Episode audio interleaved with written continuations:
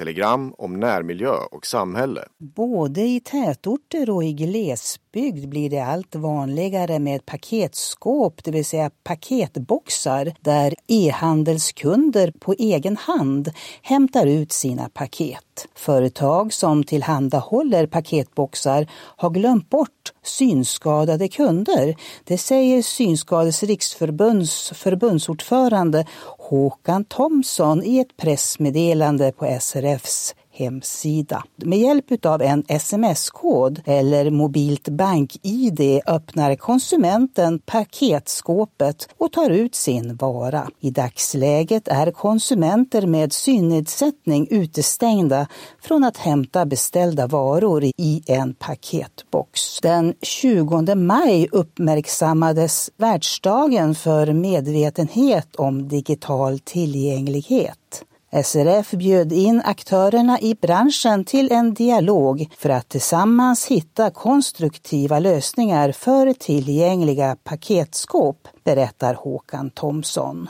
Paketskåpen har ingen talad information som upplyser kunden om var skåpluckan är. E-handel kan underlätta inköpen för personer med synnedsättning om hemsidor och appar är tillgängliga. Men hela köpkedjan från beställning till uthämtning måste fungera, säger Synskadades riksförbunds intressepolitiska handläggare Henrik Götesson i landet. Från och med 2025 ska e-handeln vara tillgänglig enligt EUs tillgänglighetsdirektiv.